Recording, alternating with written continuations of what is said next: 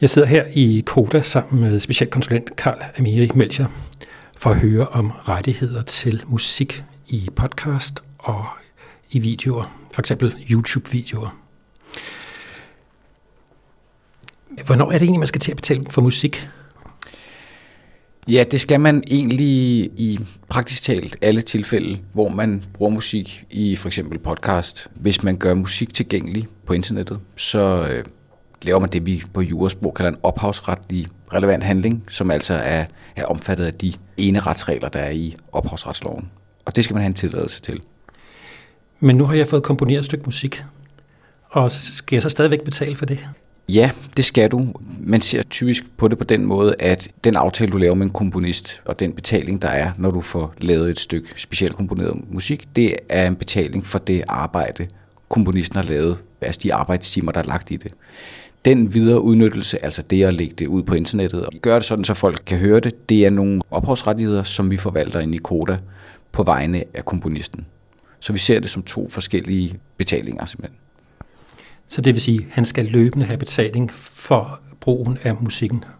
Ja, når en komponist er medlem af Koda, så har komponisten overdraget nogle rettigheder til os og sagt, at nu overdrager jeg alle mine rettigheder til jer, sådan så jeg løbende genererer musik, så er det jeres ansvar, og jeg overdrager til jer retten til at forvalte mine rettigheder.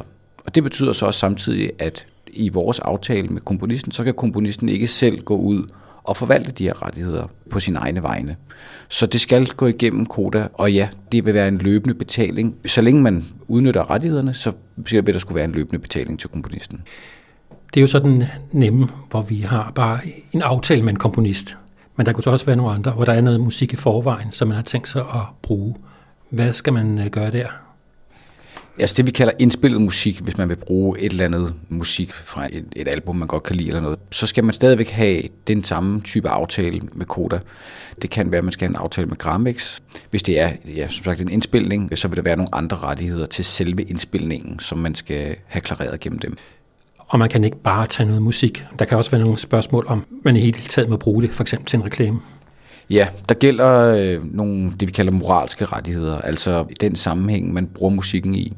Vi kan give tilladelse her i Koda for eksempel til en bred vifte, altså bruge det i tv og i radio osv., men lige så snart der er en, en kommersiel link eller et politisk link mellem musikken og, og udnyttelsen, så kræver det en individuel tilladelse fra ophavsmanden, så ophavsmanden ligesom godkender den enkelte bro i kommersiel sammenhæng. Ja, det er jo det mest normale eksempel. Men man har jo også set eksempler på øh, politisk sammenhæng eller religiøse sammenhæng, hvor man så siger, at der skal du også have en særskilt tilladelse, fordi det kan være, at ophavsmanden har en særlig interesse i ikke at blive tilknyttet en, en særlig øh, religiøs eller kommersiel retning.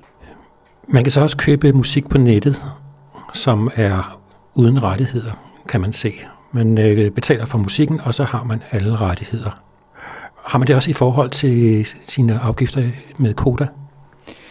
Jeg arbejder jo ikke sådan til hverdag med, med rettighedsfri musik, men jeg ved, at der eksisterer sådan nogle kataloger som dem, du taler om. Det jeg så også ved er, at man skal være opmærksom på netop, at Kodas rettigheder eventuelt ikke er købt fri. Altså vi har jo det, der hedder fremførelsesrettigheder, det hedder performance rights på engelsk, og ret ofte vil det faktisk fremgå af de licensbetingelser, der er, at man ikke har fået de rettigheder med i den aftale, man indgår med de her kataloger. Og så skal man stadigvæk betale til Koda. Så man kan stort set sige, at hvis man bruger musik, så skal man øh, igennem noget afgifter til Koda. Ja, altså vi har jo nogle områder, hvor vi har nogle, nogle overordnede aftaler, hvor man kan sige, at den platform, man lægger det ud på, de har klareret rettighederne på dine vegne som uploader. Vi har en aftale med YouTube, hvor YouTube betaler nogle penge til os, og så er aftalen, at langt størstedelen af det, der bliver lagt ud på YouTube, der er Kodas rettigheder øh, klareret af YouTube selv. Så det vil sige, at de platformer, man lægger ud, der kan det så også betale sig at se på licensvilkårene, om det er noget, som allerede er betalt. Er det noget, man kan finde hos jer, eller hvor skal man finde det henne? Man kan typisk finde det hos os, og så kan man altid ringe og spørge os, om det er nogen, vi har en aftale med.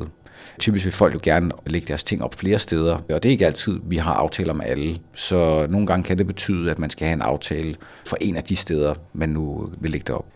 Hvis man nu har lagt det hos YouTube, og så indlejer det på sin egen hjemmeside, skal man så til at betale afgift på sin hjemmeside, eller er det den afgift, der er hos YouTube, der gælder? Det kommer lidt an på, hvordan man indlejrer det, men hvis det er en decideret indlejring, forstået på den måde, at du kan afspille det direkte fra din hjemmeside, så er det sådan, at det kræver en selvstændig aftale, fordi den udnyttelse, der foregår på hjemmesiden, det er ikke det, der er forbundet med, med afspilningen på YouTube. Så selvom det rent teknisk foregår på YouTube, så mener vi stadigvæk, at det foregår på hjemmesiden. Så kan man også bruge det på nogle sociale medier, den samme YouTube-video. Det kunne være LinkedIn, det kunne være Facebook. Hvordan er man så rettighedsmæssigt der? Det gælder sådan set det samme, at hvis der er en aftale med den pågældende platform, så kan man dele det frit videre. Hvis vi ikke har en aftale, så skal man selv sørge for at få den aftale på plads. Har I det med Facebook og LinkedIn? Nej, ikke på nuværende tidspunkt. Så det vil sige, at hvis jeg lægger noget med musik på Facebook, så skal jeg faktisk betale for det? Ja. Hvad er det så for en prisklasse, vi kommer ind i, når vi snakker om rettigheder til musik via Koda? Altså for podcast, der har vi lavet en prisstruktur, hvor vi har nogle kasser. De ligger også på vores hjemmeside. Men sådan som det ser ud nu, så har vi en kasse for kommersiel og en for ikke-kommersiel. Og den ene kasse for ikke-kommersiel, det er, hvor man siger, at du kan få op til 500 streams om måneden, og du kan have op til 20 minutters musik. Det koster så 126 kroner om måneden. Så hvis man har en ikke-kommersiel podcast, og man har op til 500 streams om måneden og op til 20 minutters musik, så koster det 126 kroner om måneden.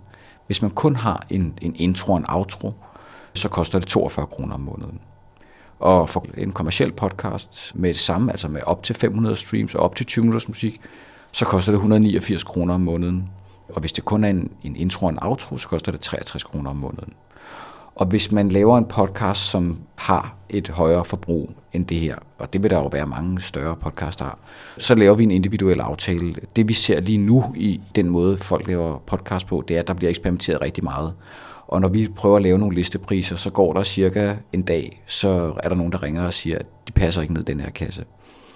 Så det vi gør nu, det er, at vi tager det individuelt for de her lidt større aftaler. Vores erfaring var med de her kasser, at der kunne vi passe relativt mange ned. De kunne i hvert fald få lov at starte op med de brugerniveauer, der var. Hvis man gerne vil have en aftale, der er større, så de ting, vi typisk vil tage i betragtning, det er, hvad er økonomien bag podcasten?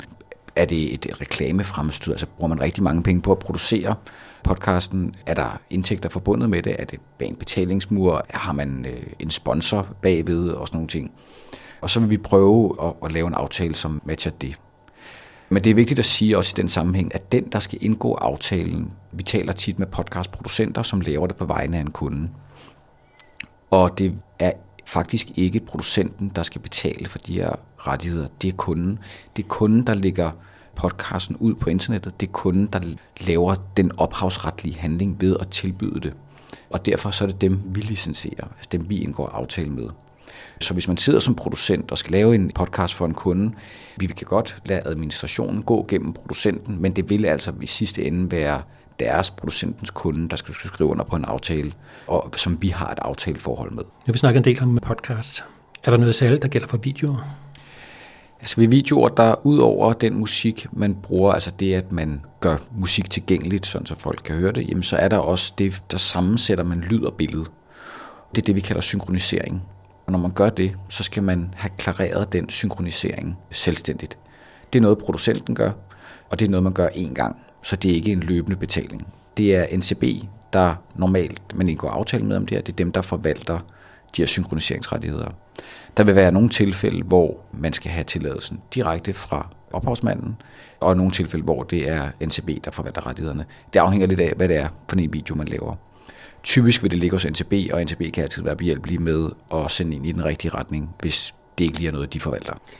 Men nu skal vi have lagt noget musik på. Så henvender man sig til jer, og hvad gør I så? Så indgår man en aftale med os, og vi registrerer, at der er lavet den her aftale, hvor meget musik der bliver brugt, og vi laver så et abonnement. Vores fordelingspolitik, den er sådan, at som det typisk er med podcast, hvis man for eksempel har en intro og outro, så vil vi spørge, hvem har lavet sangen, øh, og så kan vi registrere den pågældende sang til podcasten.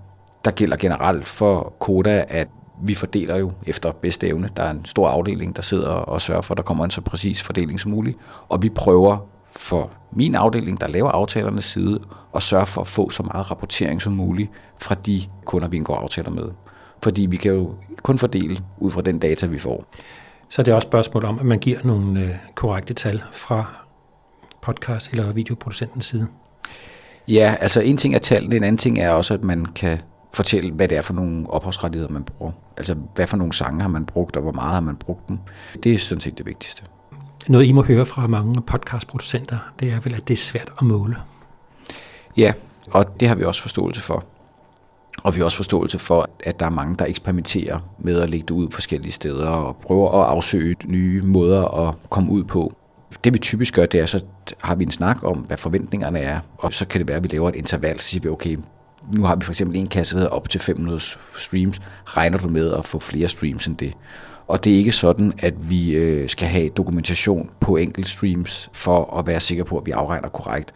Og hvis man har 501 stream øh, en måned, så er det ikke sådan, at så falder der branden ned. Det er noget, vi tager i en løbende dialog. Vi vil selvfølgelig helst have, og vi oplever også, at der er bedre muligheder for, at man får relativt korrekt rapportering igennem den software, folk bruger til at uploade med for eksempel. Men ja, hvis det er fuldstændig umuligt, og det ikke er bevidst at holde sig selv i uvidenhed omkring, hvor mange streams man får, så plejer vi at have en, løbende dialog. Så kan det være, at vi revurderer efter tre måneder eller seks måneder, hvordan går det med din podcast? Er du stadigvæk inden for de intervaller, vi, vi har talt om før? Men hvis man øh, går viralt, og virkelig får succes, 100.000 visninger, og man regnede med, at man skulle 500, så er det ikke fordi, man så lige får en kæmpe regning. Nej, altså, og det er vigtigt at sige, at det er ikke sådan, at så koster det en krone per ekstra stream, og så ses vi i retten, når du ikke kan betale. Sådan er det selvfølgelig ikke. Det er sådan, at hvis man pludselig ryger langt ud over det, der er i aftalen, så har man en forpligtelse til at ringe til os og sige, prøv her, den er gået viral. Kan vi ikke lave en ny aftale, som på en eller anden måde afspejler det? Som vi også talte om, så var det ikke noget, jeg havde regnet med, for eksempel. Altså, så finder vi en løsning på det. Men faktum er også, at du er i en helt ny situation. Hvis du har 100.000 streams, der er en meget større udnyttelse. Du bliver pludselig en, en reel spiller på podcastmarkedet, hvis du har altså en af de mest populære podcast overhovedet. Du vil også have en markedsmæssig værdi, du vil sikkert være attraktiv for sponsorer osv. Og det er nogle af de ting, vi så prøver at tage med i en ny aftale. Det, det er sjældent, jeg har i hvert fald ikke i den tid, jeg har siddet med podcast, oplevet, at ting gik fuldstændig viralt, uden at der også var en masse andre ting, der samtidig skete. Man for eksempel havde et kommersielt partnerskab, som var med til at skubbe podcasten ud. Men jeg ved til gengæld, at det er noget, som bekymrer mange. Man kan sige, det er jo at sejre sig selv ihjel næsten, og sådan skal det selvfølgelig ikke være. Det kan man altid komme og tale med os om, og så finder vi en løsning på, hvad der skal ske i en ny aftale. Hvis sagen nu ikke er, at man har lavet være med at betale, men øh, man er bare øh, uenig med det, I mener, man skal have af aftale, hvad gør man så? Altså, vi er jo altid åbne over for en diskussion, hvis man er uenig i de forudsætninger, vi for eksempel har lagt ned over en aftale. Hvor mange gange er noget blevet streamet? Hvad er økonomien bag? Og det er vi åbne over for, specielt på noget som podcastmarkedet, hvor man kan sige, det er stadigvæk et marked, der er under udvikling. Men hvis man ikke kan lide vores priser, bare fordi man synes, de er for høje, så er det ikke noget, man som sådan kan gøre noget ved, udover at man kan indbringe en klage for det, der hedder ophavsretslicensnævnet. Det er et nævn, som er til for at korrigere Kodas priser. Det er det nævn, der er udpeget til det. Så det vil sige, at hvis I mener, at man skal have pris på 10.000 kroner, og man siger, at det kan ikke passe, det skal højt koste 5.000 kroner for det antal lyttere, jeg har, så er det ophavsretsnævnet, der skal øh, se på det. Ja, det er den instans øh, uden for Koda, som vil være altså den offentlige instans, der regulerer os. Det er ikke noget, vi har særlig meget erfaring med for den her type situationer. Det plejer altid at være noget, man kan løse i mindelighed. Hvis man er netop, som jeg som siger, altså er det 5.000 eller 10.000 kroner, så plejer det at være, fordi man er lidt uenig om nogle af de præmisser, der bliver lagt ned over en aftale. Det er sjældent, at det er vores tariffer i sig selv, der er det, der generer folk. Men altså, jeg kan sige på for eksempel podcastområdet, der er vi jo også i en læringsproces. Vi prøver også at matche markedet. Samtidig så har vi en forpligtelse til at sørge for, at musikken, den værdi, vi mener, musikken repræsenterer, den også er afspejlet de aftaler, vi laver. Og det har vi har en diskussion med podcastproducenter om i det hele taget. Vi har løbende dialog med Center for Podcasting og lignende organisationer, som prøver at komme med nogle input til os omkring, hvordan øh, markedet udvikler sig. Det du siger, det er så noget anderledes i forhold til, hvis vi har en fotograf. En fotograf sender bare en øh, regning, hvis man har fået krænket sin ophavsret, og så skal man betale den i retten. I har så lige en lidt anden tilgang til det. Ja, altså hvis man har lagt noget ud på nettet, og det ligger der, så vil vi jo helst have en aftale på plads. Den aftale vil jo selvfølgelig gælde fra man lagde de her ting ud på nettet, og det er den måde, vi, vi plejer at løse de her ting på. Heldigvis er det sådan, når folk ikke har en aftale, at det typisk er, fordi folk ikke har været klar over, at de skulle have en. Så det er en dialog, vi plejer at tage, hvis vi bliver opmærksomme på, at der er nogen, der har nogle ting liggende, uden at der er en aftale med os. Podcasten var produceret af Reciprok Kommunikation. Mit navn er Henrik Moral.